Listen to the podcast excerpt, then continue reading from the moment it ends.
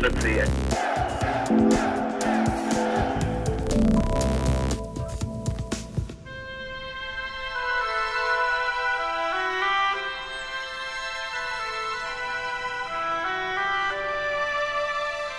Takže já vás vítám v rodišti našeho významného hudlického rodáka Josefa Jungmana.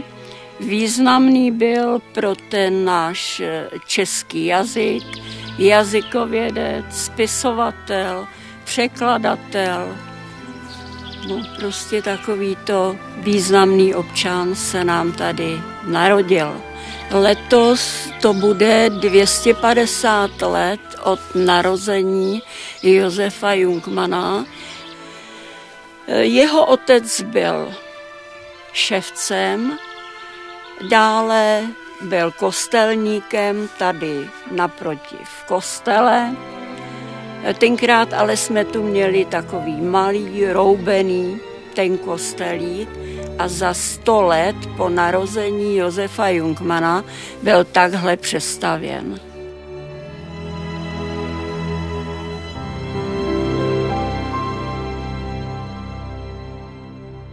Průvodci nám budou historici Alena Anderlová, Fidlerová, bohemistka z Ústavu českého jazyka a teorie komunikace Filozofické fakulty Univerzity Karlovy. Dobrý den. Dalibor Dobiáš z Ústavu pro českou literaturu Akademie věd. Dobrý den. A Daniela Tinková z Ústavu českých dějin Filozofické fakulty Univerzity Karlovy. Dobrý den.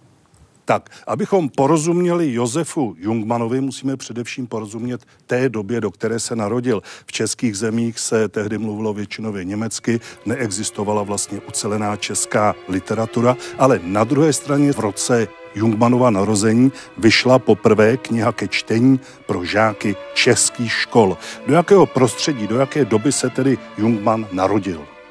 Především asi potřeba je zdůraznit, že je to opravdu období těch nejradikálnějších tereziánských a posléze josefinských reform, že období jeho dětství eh, a dospívání bylo právě doprovázeno takovými změnami, jako je zavedení všeobecné školní docházky, radikální reformy eh, na poli náboženství, reforma katolické církve, poměrně jedna z nejradikálnějších eh, v Evropě.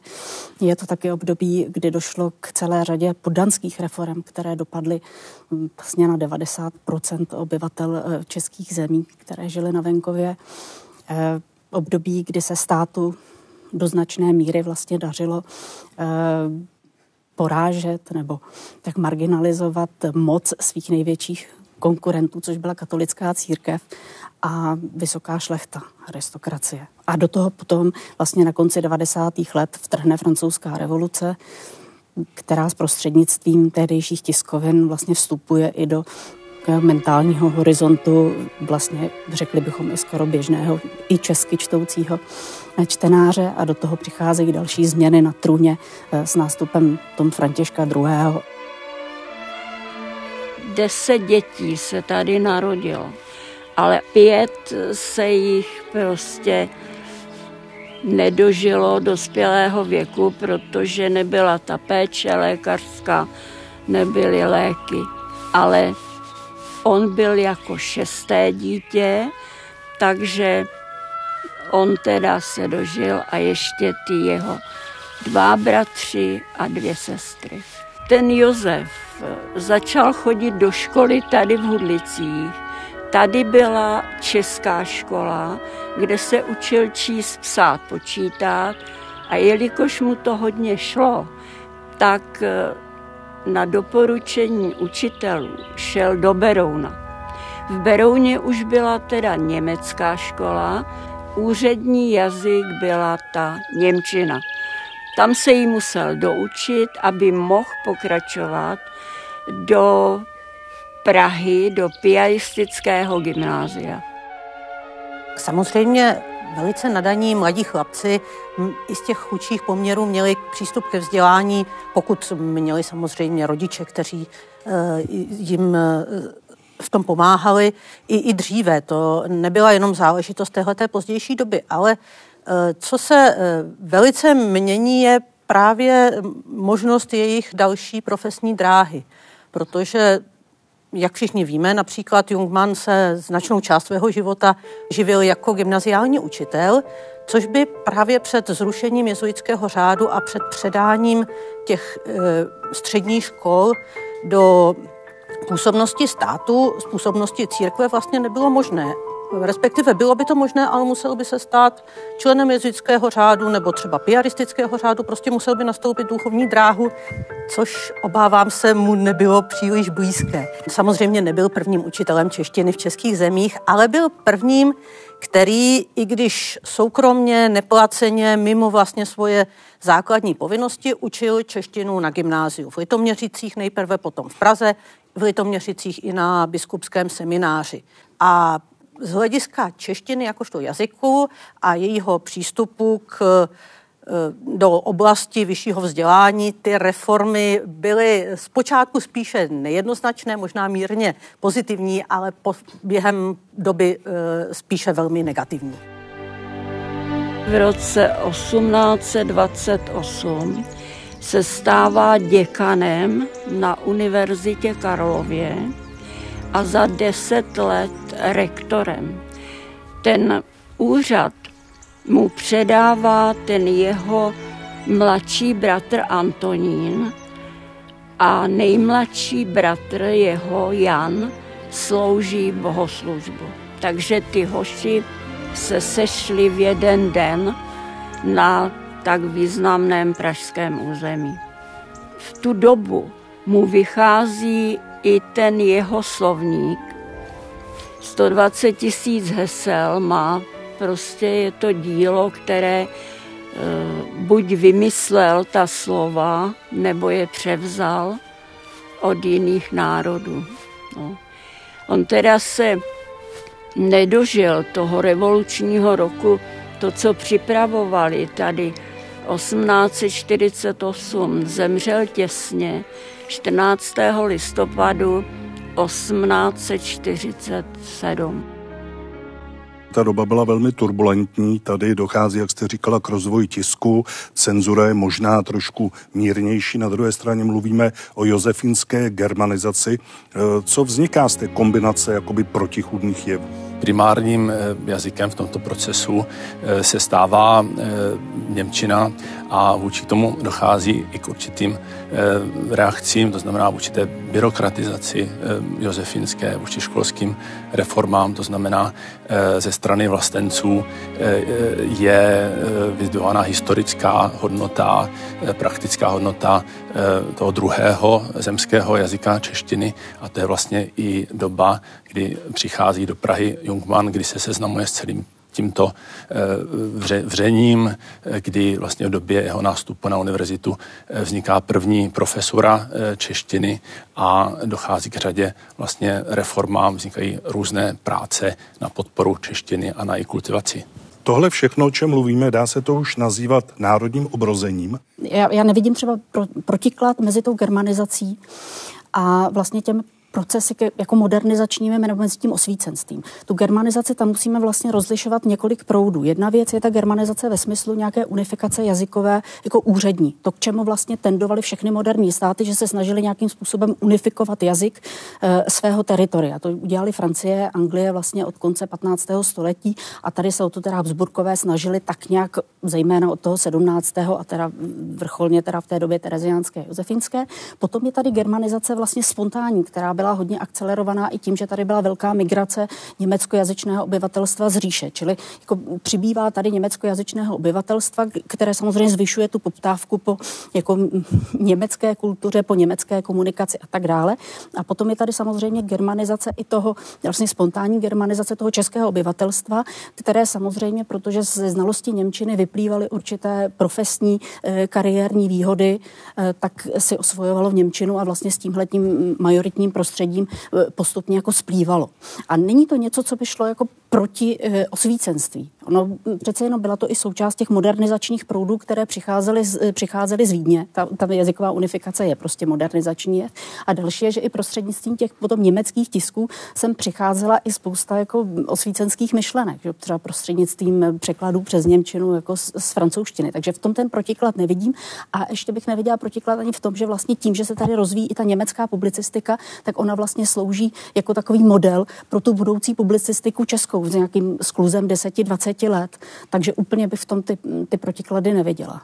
Takže a to, to národní je, obrození? A tohle je vlastně bych řekla, že proto jsem na to vlastně chtěla navázat, je, je otázka, kdy vlastně mluvit o obrození a co, co to je vlastně jako obrození, protože obvykle se situuje ten začátek někdy do poloviny 70. let. Takovým symbolickým zlomem eh, je někdy Balbínova obrana jazyka českého, kterou tehdy eh, vydal v roce 1775 eh, anonymně František Martin Pelcel a měl s tím poměrně veliký problémy, protože to bylo interpretováno jako tisk silně protivídeňský a právě proticentralizační, byť 100 let starý jezuitský rukopis. Ale je to spíš takový jako symbolický moment, ony ty obrozenecké jakoby tendence tady vlastně vlastně byly celou dobu, celé to 17. století třeba v jezuitském prostředí, v církevním prostředí byly poměrně silné eh, tendence jako toho domácího regionálního patriotismu, který akcentoval specifika českých zemí, specifika češtiny.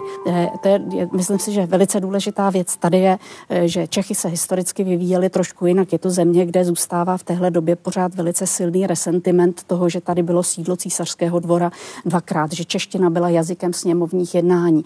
Je tady historická šlechta nebo šlechta, která se hlásí z nějaké té historicitě toho starého českého státu a která cítí jako napětí vůči té Vídni.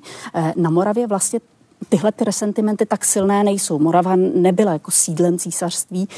E, moravská šlechta z velké části byla až ta pobělohorská, takže tam není tolik jako těch kořenů předbělohorských, které by měly tyhle ty resentimenty a chybí tam zjevně i ten e, jako měšťanský e, český element, který potom bude důležitý třeba v tom prostředí pražském. Takže myslím si, že ta Morava v téhle době vlastně žije trošku jinak a navíc Morava velice vytěžila vlastně na těch josefinských tereziánských reformách. Ona tehdy zvětšila teritorium na úkor. Eh, úřady tam bujely na úkor Čech, takže ona naopak jako v téhle době si myslím, že jako nabývá na sebevědomí a nemá tolik potřebí si ho pěstovat tak jako Čechy. Já bych ještě k tomu obrazení doplnil, vlastně tahle metafora v češtině, v Němčině v nějaké podobě se v této době e, objevuje, to znamená nějaký návrat k něčemu e, lepšímu, předchozímu, nějaká očista, k nějaké zlaté době.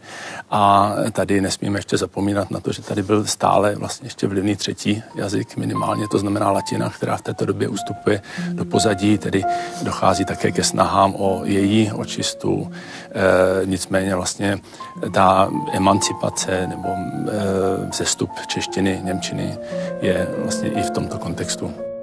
Takový guru sociolingvistiky eh, Joshua Fishman se rozlišuje high a low language, vysoký a nízký jazyk. Pro aplikováno pro českou situaci tehdejší, to znamená, tady byl tady německý high language, německý low language, a potom ale vedle toho tady byl český low language a jako malé reziduum ze 16. století přes to baroko, tady ten, nějaký ten český high language také byl. Ten low language byla nejen, že, že byl jaksi ne, ne, nenormovaný, ale on byl zároveň i nízký zažitek sociálního. On jaksi deklasoval nebo dehonestoval ty mluvčí. Dokud mluvili eh, českými dialekty nebo česky ti sedláci, nevolníci nebo podaní, jak se to už je jedno, prostě eh, tak jim vůbec nevadilo, že mluví low language, protože to patřilo k jejich statutu. Oni byli narozeni jako nižší lidi a mluvili nižším jazykem. Ale v druhé polovině 17. Teda 18. století, druhé polovině tedy v osvícenství, přichází ta myšlenka i z hora, nejen od vzdělanců, že lidi jsou si rovní. Dokonce se chystají že, a vydávají zákonníky, které vycházejí z toho, že tedy jsou občané, jsou si rovní před zákonem. A o tom se ví ve vzdělanských kruzích. A specifikou Habsburské monarchie té západní části bylo v té době už, že přístup ke vzdělání byl relativně demokratický. Takže mezi vzdělance se dostávali i ti lidé z těch low language speakers.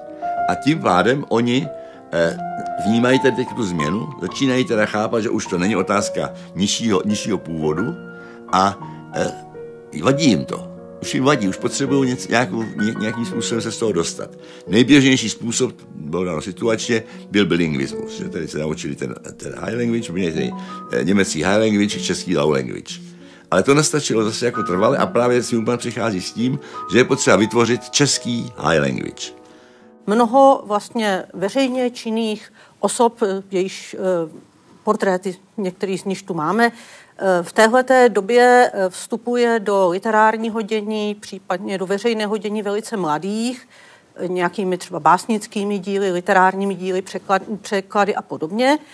A poměrně brzo z toho dění třeba zase odcházejí, ať už proto, že třeba hm, předčasně umírají, anebo proto, že získají stále zaměstnání někde daleko, mimo Prahu, třeba i mimo České země a pohltí je hm, svět těch denních povinností. U Jungmana to bylo, myslím, jinak. Jeho rozjezd jeho kariéry, abych tak řekla, byl poměrně pomalý, pozvolný. On sice poprvé publikuje báseň už v prvním Puchmajerově almanachu se brání básní a zpěvů, ale je to jenom jeden epigram, není to nic moc světoborného a vlastně postupně teprve rozvíjí tu svoji činnost, postupně eh, připravuje ta svoje veliká díla, eh, která potom, eh, pokud o ta jazykovědná, vydá ve 20. letech poprvé a ve velice silně přepracovaných edicích vlastně až na sklonku života v polovině 40. let. Čili to, že on vlastně byl spíš, řekněme, vědec, byl to člověk, který budoval promyšleně, systematicky, dlouhodobě své spisy a tím i svou kariéru proto nebyl tou létavicí, která zazáří a zhasne, ale naopak pomalu se rozhořívajícím ohněm, abych použila nějakou metaforu, který ale o to déle potom pláboval. Pokud vím, tak Jungmann ani tak nevystupoval proti Němčině, chtěl, aby se čeština vybíjela vedle ní ale eh, dostával se také do sporu a nejznámější pravděpodobně byl spor s Bernardem Bolzánem. On hájil tezi, že Češi a Němci jsou eh, dvě větve jednoho národa. To bylo pro Jungmana nepřijatelné. Víme o tom sporu víc?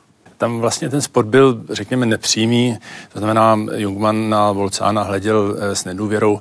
Eh, určitým způsobem se třeba vše odehrávalo i eh, přes žáky. Jungmannův koncept byl, že prostě svatý jazyk, že národ je spojen s jazykem, to znamená, národ je vymezen jazykem, jeho cílem bylo, aby se jako ve zlaté době českých dějin, to znamená v době rudolfínské, vrátila čeština do všech oblastí národního, vlastně dá se říci zemského, státního eh, jazyka, eh, zatímco u Bolcána v jeho exhortách také že z desátých let šlo o jisté pokračování zemského vlastně vymezení národa, to znamená vzájemná vlastně komunikace Eh, obohacení se eh, ve dvou tedy jazycích v češtině, eh, němčině.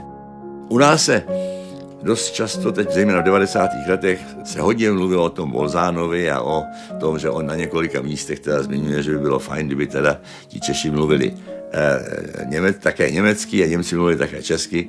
Eh, tam, to je jeden drobný zádrhel, který jaksi eh, ve své době, dejme tomu, on ne, nepochopil nebo si nevšiml, že ti Němci se nechtěli učit česky.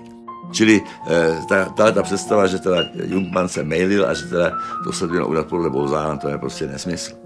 Eh, je tam ovšem jedna věc, je potřeba připomenout s tím jazykem, že eh, vedle té jazykově definované národní identity máme v Čechách menšinově tu a tam řadu, ale přesto je to řada jedinců, kteří sice měli tu mateřštinu jakoby německou, ale považovali se za Čechy ve smyslu Böhmen a od jisté, nebo v jisté situaci potom už od, 40, od 40. let je to běžné, e, se učí česky, programově. Nejznámější případ je Tiersch a Figner, že jo. jo? A oni byli skutečně Češi, to nebylo, že by se stali z Němců Čechy, oni byli Češi, jenže mluvili tady v tom, zase v tom Bolzánovském, mluvili teda německy, ale ti šli teda podle Bolzána, naučili se taky česky.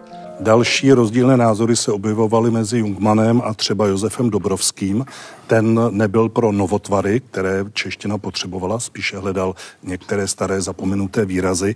A my známe z FL věka, jak obrozenci na to šli. Já jsem si tady vypsal ty známé věci. Sestromuž, švagr, citoň, nos, knihovtipník, student nebo ránokladka, náplast. A Josef Jungmann se nových slov nebál a vypsal jsem si, které on uh, vytvořil a které se chytly rostlina, látka, kyselina, ohon, čtverec, trůhelník a podobně. Jaký byl teda ten jeho další přínos nebo ten hlavní přínos pro češtinu? Já bych tady, mm, když jste mm, citoval některá ta slova z FL věka, tak bych chtěla využít příležitosti a vyvrátit jeden z velmi zažitých mýtů a pověr o téhleté době ta slova, která jste citoval jako první a která jsou opravdu v FL věku v tom televizním seriálu zasazena do doby obrození, tam vlastně vůbec nepatří. Ta jsou vybrána z eh, jednoho slovníku, eh, kterému se, který se jmenoval Slovář český, napsal ho jistý Rivola a ten slovník vyšel poprvé v roce 1705, čili 70, více než 70 let před Jungmanovým narozením, čili za to on opravdu nemůže a nemůže za to ani nikdo z obrozenců. E, nicméně máte naprostou pravdu, že Jungman a jeho generace považovali za jeden svých, ze svých důležitých úkolů rozšiřování české slovní zásoby, aby čeština mohla v budoucnosti plnit všechny ty důležité úkoly, o kterých už se tady mluvilo. Čili to je vlastně jedna z věcí, kterou se Jungmann lišil nejenom od Dobrovského, ale i od těch eh, barokních patriotů a to je ten důraz na budoucnost systematické budování eh, národního jazyka, jakožto tedy média, ve kterém se potom eh, ten národní kulturní život bude moci dále rozvíjet. Dobrovský byl přece jenom ještě člověk do určité míry té minulé doby. Člověk, který chtěl češtinu zkoumat, studovat, zabývat se jí vědecky, ale neměl nějakou výraznou ambici ji radikálně aktivně měnit, přizpůsobovat jí té moderní době. A to bylo přesně to, co hmm. chtěl Jungmann dělat. A proto vlastně eh, z tohoto důvodu, z důvodu tohoto rozdílného postoje se Jungmann postupem doby během svého života znepřátelil nejenom s Dobrovským, ale i s mnohými svými dalšími staršími spolupracovníky nebo bývalými přáteli, typicky třeba eh, Janem Nejedlým, pro různé otázky a naopak si získal e, náklonost a velké sympatie té mladé, mladší a nejmladší generace. Oni ten jazyk začínají jaksi e, pěstovat jako součást té, té hodnotové entity národ. A protože ten národ, když e, bude existovat pouze jako sociální skupina, pouze jako sociální realita, tak je v podstatě něčím, co se velice zaprvé se, se, se, dá, manipulovat a kromě toho je to něco, co nebude držet pohromadě. Když to pohromadě to drží právě ta představa jo, té abstraktní hodnotové pospolitosti. A to buduje, buduje Jungmann, k tomu přispívá Jungmann právě tím jazykem. Že teda chce, aby se to, nejen aby teda ten jazyk byl perfektní z hlediska stylistického, aby se pěsto, aby se překládalo, že on sám šel příkladem, eh, ale také, aby ten jazyk se skutečně užíval jako něco, co je krásné a co dodává tedy vlastně sebevědomí těm lidem. My tady hovoříme o Jungmanovi jako jazykovědci nebo o spisovateli, pak samozřejmě musíme připomenout ještě, že byl také překladatel, čili jak se to všechno u něj kloubilo. Já myslím, že Jungmann sám neměl zas až tak velké autorské literární ambice a pokud měl, eh, tak je opravdu rozvíjel v těch překladech. Eh, nebyla to žádná náhoda nebo jenom úlitba. On i ve svých teoretických pracích mluví několikrát o důležitosti překladu pro rozvíjející se literatury, které vlastně tak trošku začínají znova, nadechují se na, na Prahu té moderní doby a vždycky překlady obhajuje, mluví o tom, že to není něco na újmu tomu národnímu životu, že naopak to, že si eh, ta nejlepší literární díla z okolních národů eh, ten daný jazyk přisvojí pomocí překladu, eh, je pro ně velmi důležité a pomáhá mu to v rozvoji. A zároveň vlastně ty překlady si myslím pro Jungmana byly eh, jakýmsi místem, kdo mohl zkoušet právě to, o čem jste mluvil, a to je to eh, zavádění nových slov, jejich vytváření, eh, ukazování je veřejnosti, aby si je postupně osvojila a aby se ta slova z těch nových a cizích staly slovy běžnými českými. Když mluvíme o překlady o autorství, tak máme často na mysli, nebo i o filologii, tak máme často na mysli ty dnešní vlastně kategorie a zde jsme v takovém mm, klíčovém období, kdy se nově vlastně e, vymezují, kdy stále jsme ještě e, v, e, v době, kdy se jedná o to, co který jazyk je schopen vůbec literárně dokázat, dosáhnout. To znamená, jestli je možné vytvořit například český hexametr, jakým způsobem by měl měla eh, vypadat eh, česká eh, verze Homera a prostě dalších autorů.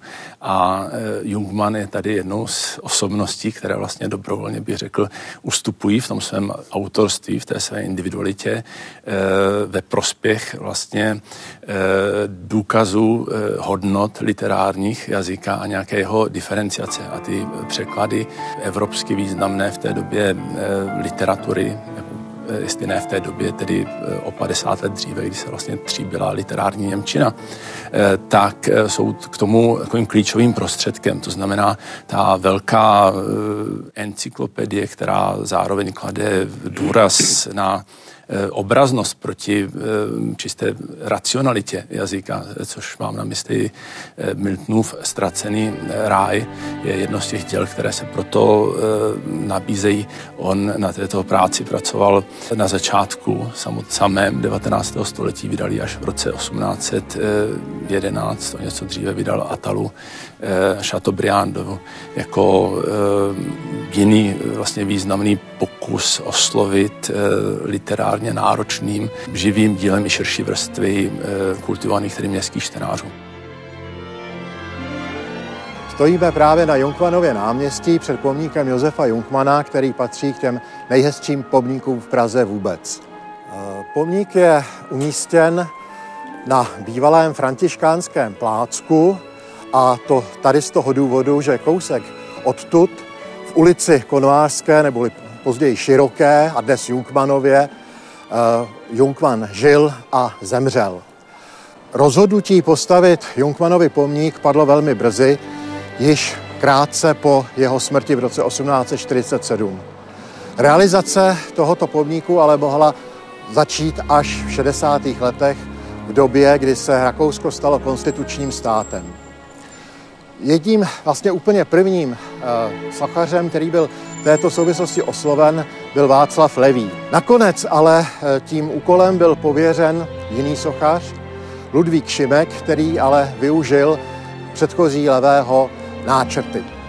Základní kámen k tomuto pomníku byl položen 13. července 1873. Byla to velká sláva, jedna z největších národních slavností, k nímž vůbec v 19. století došlo. E, mělo to politické důvody, protože česká politická reprezentace se nacházela v tehdy ve velkém sporu s vídeňskou vládou, ale tak v každém případě bylo potřeba ukázat, že Praha je důležitým, stále důležitým centrem národního života a že národ se nachází stále na, na vzestupu. To byla hlavní myšlenka projevu Františka Ladislava Lígra, který zde pronesl jeden ze svých nejlepších projevů. Odhalení sochy proběhlo 15. května 1878. Když se podíváme na další významnou kapitolu Humanova života, to bylo objevení rukopisu Králové Dvorského a Zelenohorského.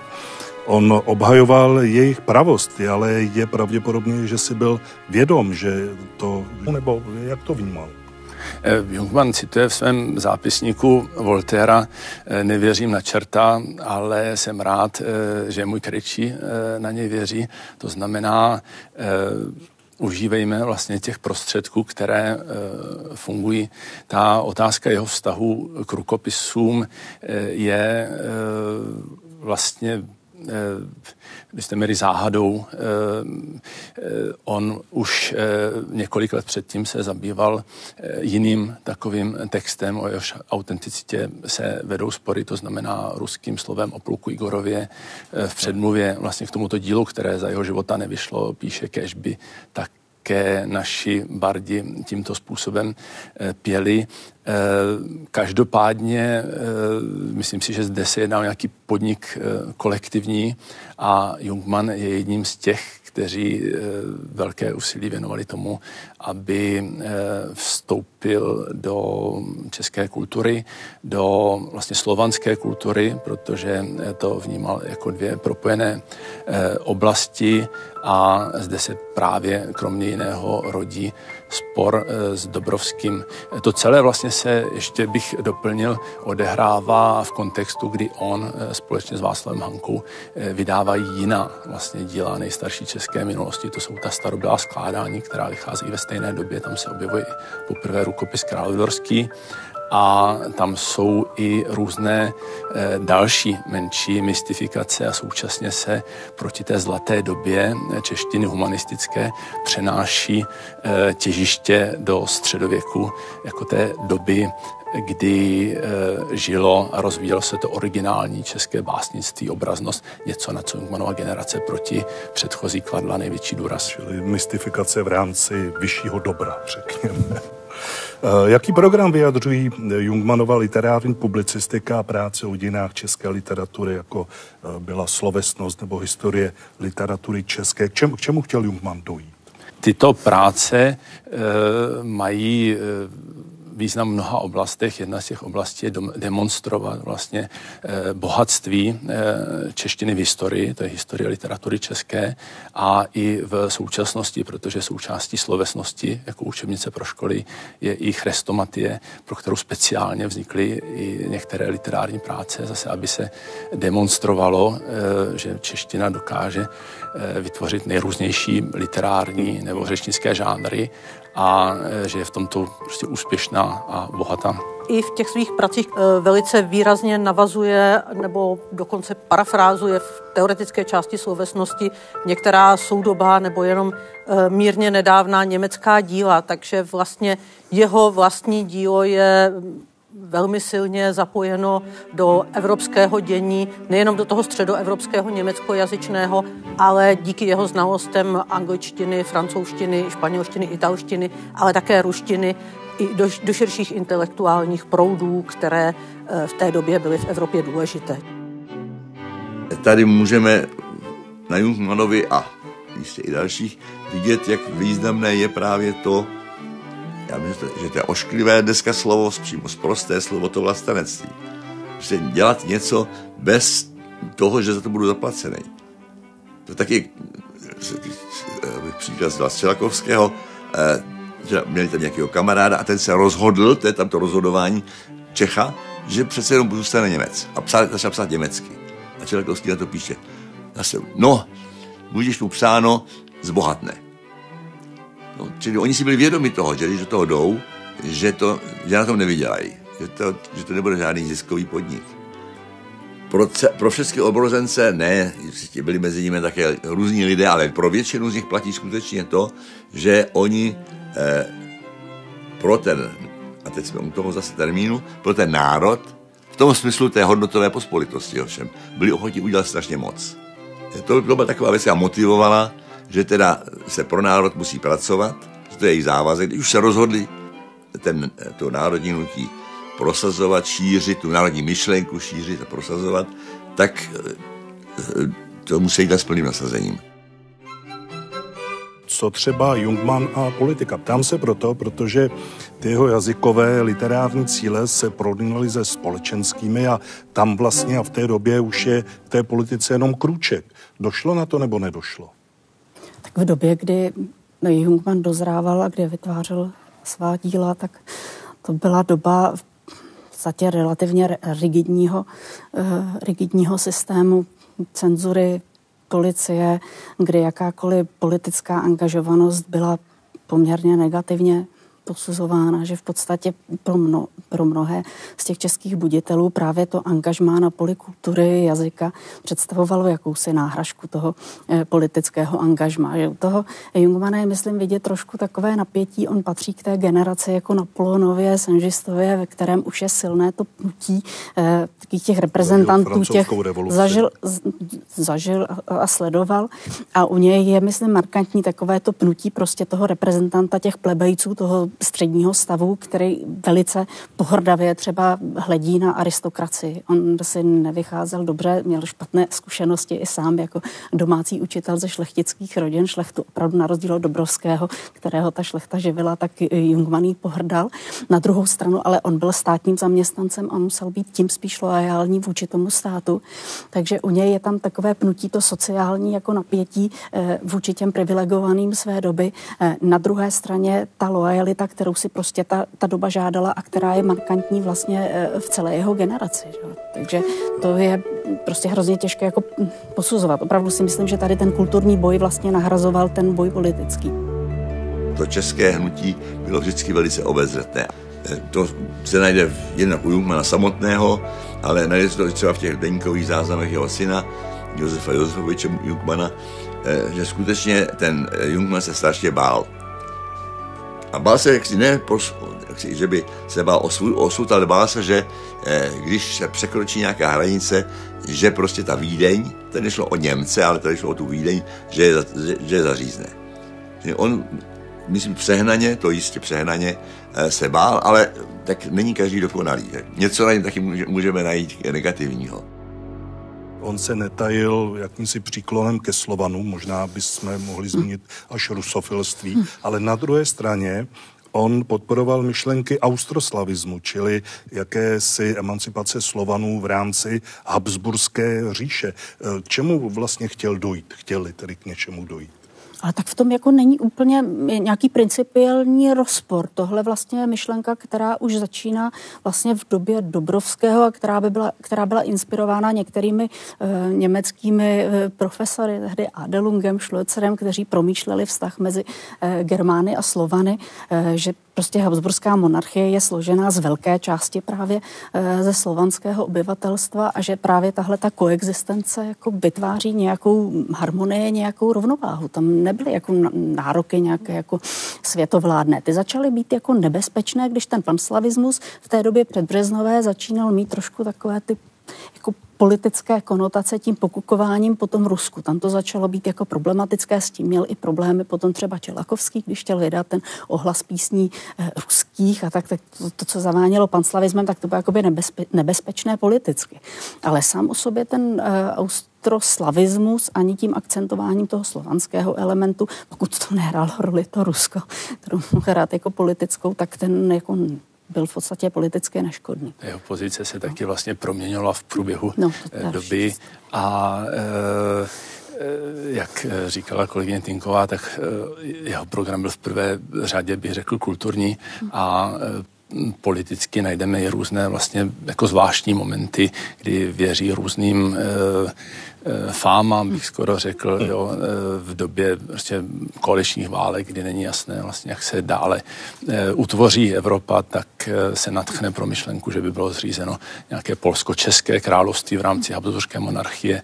Potom vlastně musí nějakým způsobem se vyrovnat s polským povstáním, že v roce 1830, 1831, ale vlastně pokaždé tam převažuje ten zřetel, řekněme, kulturní, to znamená, že Eh, jde o nějaký vzestup eh, Slovanů, slovanské kultury eh, v Evropě a o nějaké vzájemné zblížení.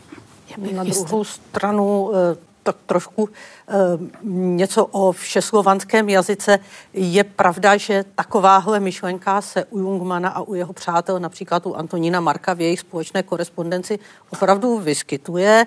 Nemyslí tím nějaký určitý existující slovanský jazyk, ale myslí tím prostě postupné zbližování slovanských jazyků, zejména těch, které používají latinské písmo, pomocí třeba zbližování pravopisu, ale i zbližování jazykového. To jsou ty, ta jinoslovanská slova, která se oni snaží implantovat do češtiny mimo jiné. tak, aby postupně eventuálně možná i vznikl jeden společný spisovný slovanský jazyk, třeba aspoň pro ty slovanské národy eh, Habsburské monarchie, pokud ne pro všechny. A jedním z takových eh, plodů částečně splněných, ale rozhodně ne úplně eh, těchto těch jejich snah jsou také ty nechvalně známé obrozenské opravy pravopisu, které vlastně měly směřovat i k tomuhle cíli. Nikdy k němu nedošly, ale přece jenom podstatným způsobem proměnili to, jak píšeme češtinu i dnes.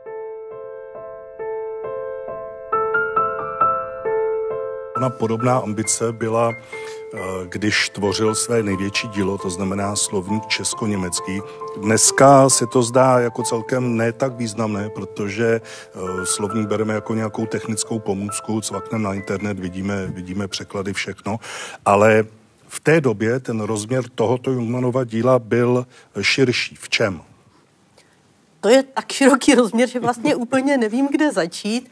Ale v každém případě eh, jde o to, že tahle ta doba jako jeden ze svých zásadních úkolů cítila eh, prostě stabilizaci eh, českého jazyka do budoucnosti, čili položení toho, jakým způsob, jak má vypadat čeština moderní doby. A tak to jak po stránce gramatické, tam se o to nejvíc zasloužil Josef Dobrovský svojí německy psanou mluvnicí, tak po stránce lexikální a o to se zase postaral Jungmann ve slovníku, který ve veřejnost zná jako jeho hlavní dílo. Na druhou stranu je pravda, že on vlastně původně vůbec žádný slovník psát nechtěl. On doufal, že to udělá někdo jiný. Různou schodou okolností se nakonec nikdo jiný nenašel, takže to zbylo na něj. Je ale pravda, že to nedělal rozhodně sám. On měl velice širokou síť spolupracovníků, eh, mnozí, včetně Dobrovského, jeho druhů, starších i mladších, mu posílali svoje sbírky, vypisovali pro něj slova z různých knih a on se toho ujal, ačkoliv to byla práce velice těžká, dlouhodobá, nevděčná, často si na ní v dopise stěžuje, že je to velká otročina a popravdě řečeno, eh, vlastně eh, to, to, jaká to byla otročina, to eh, souvisí i s tím, jaké tehdy byly technické možnosti a jak se tehdy slovníky dělaly. A tady si musím zase trošičku přihřát filologickou polívčičku, protože v tom slovníku, nebo jedna z věcí, kterou je ten slovník důležitý, je, že je to vlastně první český slovník dělaný moderním způsobem, který se používal až do nedávna, než začaly fungovat počítače. A Pravda je, že on musel po... měnit ten systém, kterým začal, potom ho upravoval, zdokonaloval. On začal vlastně tím, jak se to v těch dřívějších dobách dělo, že si pořídil starší slovník, v tomhle případě to byl slovník Františka Jana Tomsy, který vyšel úplně na konci 18. století. Nechal si mezi, ně, eh, mezi jeho listy vyvázat prázdné listy a na ty si dopisoval všechna slova, která mu v tom starším slovníku chyběla a která tam chtěl doplňovat což je relativně účinná metoda, ale ne zas až tak úplně, protože když si dopisujete ta slova, tak si je tam dopisujete samozřejmě v pořadí, ve kterém se k vám dostanou, a ne v pořadí abecedním, což potom on chtěl použít. Čili vlastně až posléze, až když už nějakou dobu takhle pracoval, tak zjistil, že mnohem rychlejší a užitečnější bude, když si ta slova bude psát na jednotlivé lístky, cedulky. Systém kartiček. Kartiček, a to je přesně to, jak se potom dělala, dělali slovníky vlastně až téměř do konce 20. století. Tak Jungmann je první, který to u nás dělal tímhletím spů- moderním způsobem, ale ne od začátku přišel na to metodou pokus omyl.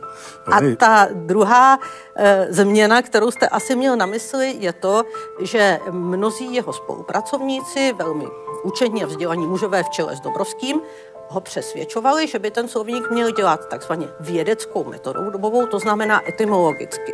Čili eh, všechna slova, která jsou nějakým způsobem v tom jazyce příbuzná, seřadit k sobě, vytvořit taková veliká hnízda.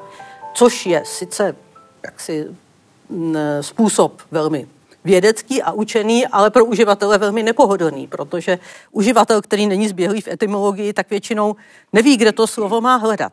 A Jungmann, ačkoliv jak říkám, všichni, včetně Dobrovského, mu vnucovali tuhle tu vědeckou metodu, která se používala v těch starších obdobích, tak se zbouřil a rozhodl se pro ten zcela náhodný, nevědecký, ale za to velmi užitečný pořádek slov abecední.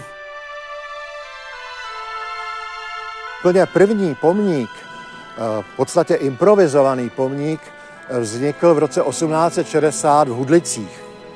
Tam byl na improvizovaném podstavci umístěn jeho slovník a na tomto slovníku byla položena sádrová bysta. Potom eh, byl tam vytvořen jako už teda stálý bystou eh, z litiny. Kromě toho známe ještě jeden pomník a to v obci Olovnice na eh, Mělnicku. Vytvořil ho v roce 1874 místní sochař František Dýr a můžeme říci, že to je vlastně první pomník Josefu Jungmanovi, který vůbec teda u nás stál. Když se podíváme na některá hodnocení, Jan Neruda o něm prohlásil, když Jungmann vstal, byla čirá noc, když se s námi rozloučil, měli jsme již bílý den. Eh, Jungmana si cenil i třeba Karel Havlíček, další. Na druhé straně Masaryk jeho úlohu zlehčoval, řekl pryč s Jungmanem z dobré paměti potomstva. Proč vůbec nastalo něco po tom všem, co jsme si tady řekli, co bychom mohli označit jako nějaký boj o Jungmana? No, Jungmann se stal vlastně už za života vlastně páťuškou, že, e, symbolem, e, zejména teda po vydání slovníku. E, Božena Němcová píše jeho dceři například, že ho má na čestném místě v bytě zavěšeného, dívá se na jeho e, obrázek, e, jeho pohřeb v roce 1847 e, byl vlastně že na Prahu e, toho, toho zlomového roku 48-49 byl také že významnou událostí a, eh, a ten, ten, ten symbol se vrací vlastně v 70. letech, že jo, kdy je i myslím, Nerudův citát a kdy vlastně je postaven Jungmanův pomník a e, a nějakou dobu vlastně přetrvává, nicméně v rámci toho masarykovského, vlastně celé té generace řekněme, účtování se, se starším typem obrozenského historismu dochází vlastně také na Jungmana. Proti Jungmanovi je eh, vyzdvižen eh, Dobrovský, to znamená Jungman jako eh, méně původní, méně kritický, pragmatičtější vlastně myslitel nalézá v české otázce Masarykově spíše vlastně takové jako druhotné eh, hmm. místo.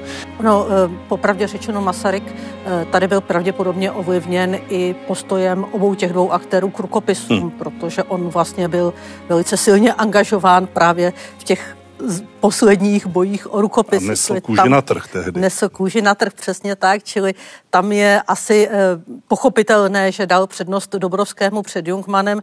Na druhou stranu v tom rozhodně nebyl spravedlivý, protože on jednak eh, jak si je hodnotil hodně eticky, a což jaksi, taky není jediné kritérium, a jednak uh, trošku zavíral oči před tím, že ani Dobrovský nebyl člověk zcela eh, jaksi bezchybný, i on se často mýlil, byl sice kritický, ale někdy byl až příliš kritický a vlastně v tom kriticismu zavrhnul i věci, které si to úplně nezasloužily.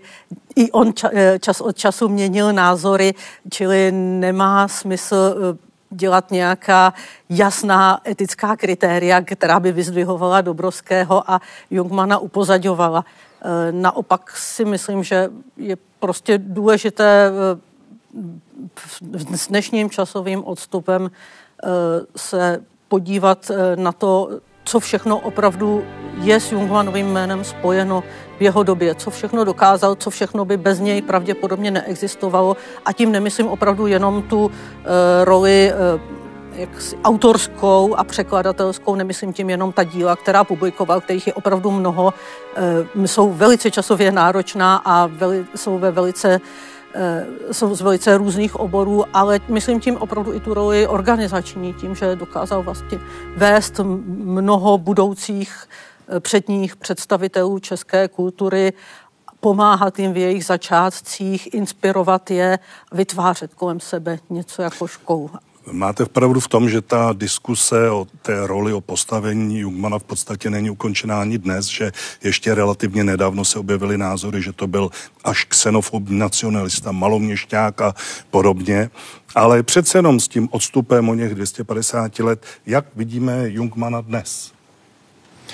Na takovou otázku se asi nedá odpovědět jinak než bonmotem. E, já si myslím, že do dneska nám závidí prostě Skoti nebo Irové, vlastně, co se v průběhu 19. století vlastně znovu bych řekl v těch středoevropských jako poměrech vymezování se jazyků, kultur, národů mezi sebou stalo e, s češtinou a že vlastně Jungmann je e, takovým ústředním, znepokojujícím, fantastickým ve své práci s eh, jazykem ve svých organizačních schopnostech eh, elementem, jako eh, skrze něhož toto vše můžeme vidět si myslím, že jako Jungmann vlastně vytvořil nového a čím obohatil tu druhou generaci e, obrozenců a řekla bych celé to romantické 19. století, tak bylo to, že od jazyk e, k ním přistupoval nejenom jako racionálně, jako jazykovědec. On do něj vložil i ten e, element emocionální, že jazyk je vlastně něco, co v tom herderovském smyslu slova vlastně činí duše národa. Je to něco, s čím jako e, národ je zžit, co prochází e, člověkem samotným a co není jenom nějaký komunikační kód, který stojí na nějakých gramatických pravidlech, ale co je jakousi esencí člověka a odlišuje od sebe tím pádem národy e, zcela jako esenciálně a činí jako nezáměnými. A to si myslím, že byl potom i impuls pro ta další národní hnutí, ne, nejenom česká naprosto souhlasím se vším, co tady eh, řekli kolegové, jenom mě vlastně k tomu eh, na závěr napadla eh, jedna taková věc a to, že my všichni známe Komenského jako učitele národů, ale vlastně i o Jungmanovi by se dalo mluvit jako o učiteli ne možná národů, ale rozhodně českého národa. A to jsou všemi klady i zápory té učitelské role, které sebou nese. On vlastně mnoho ze svých ambicí osobních obětoval tomu, aby učil jiné, aby učil své e, mladé spolupracovníky a skrzně teda do budoucnosti celý národ. A plody toho vlastně my sklízíme do dneška. Jestli se nám líbí nebo nelíbí, to už je na nás. A i to, jak s nimi budeme dál zacházet. Tolik tedy dnešní vydání Historie CS, ve které jsme si připomněli 250 let od narození Josefa Jungmana. Já děkuji našim hostům za jejich názory. Vám děkuji za to, že jste se dívali opět na u dalšího vydání pořadu Historie CS.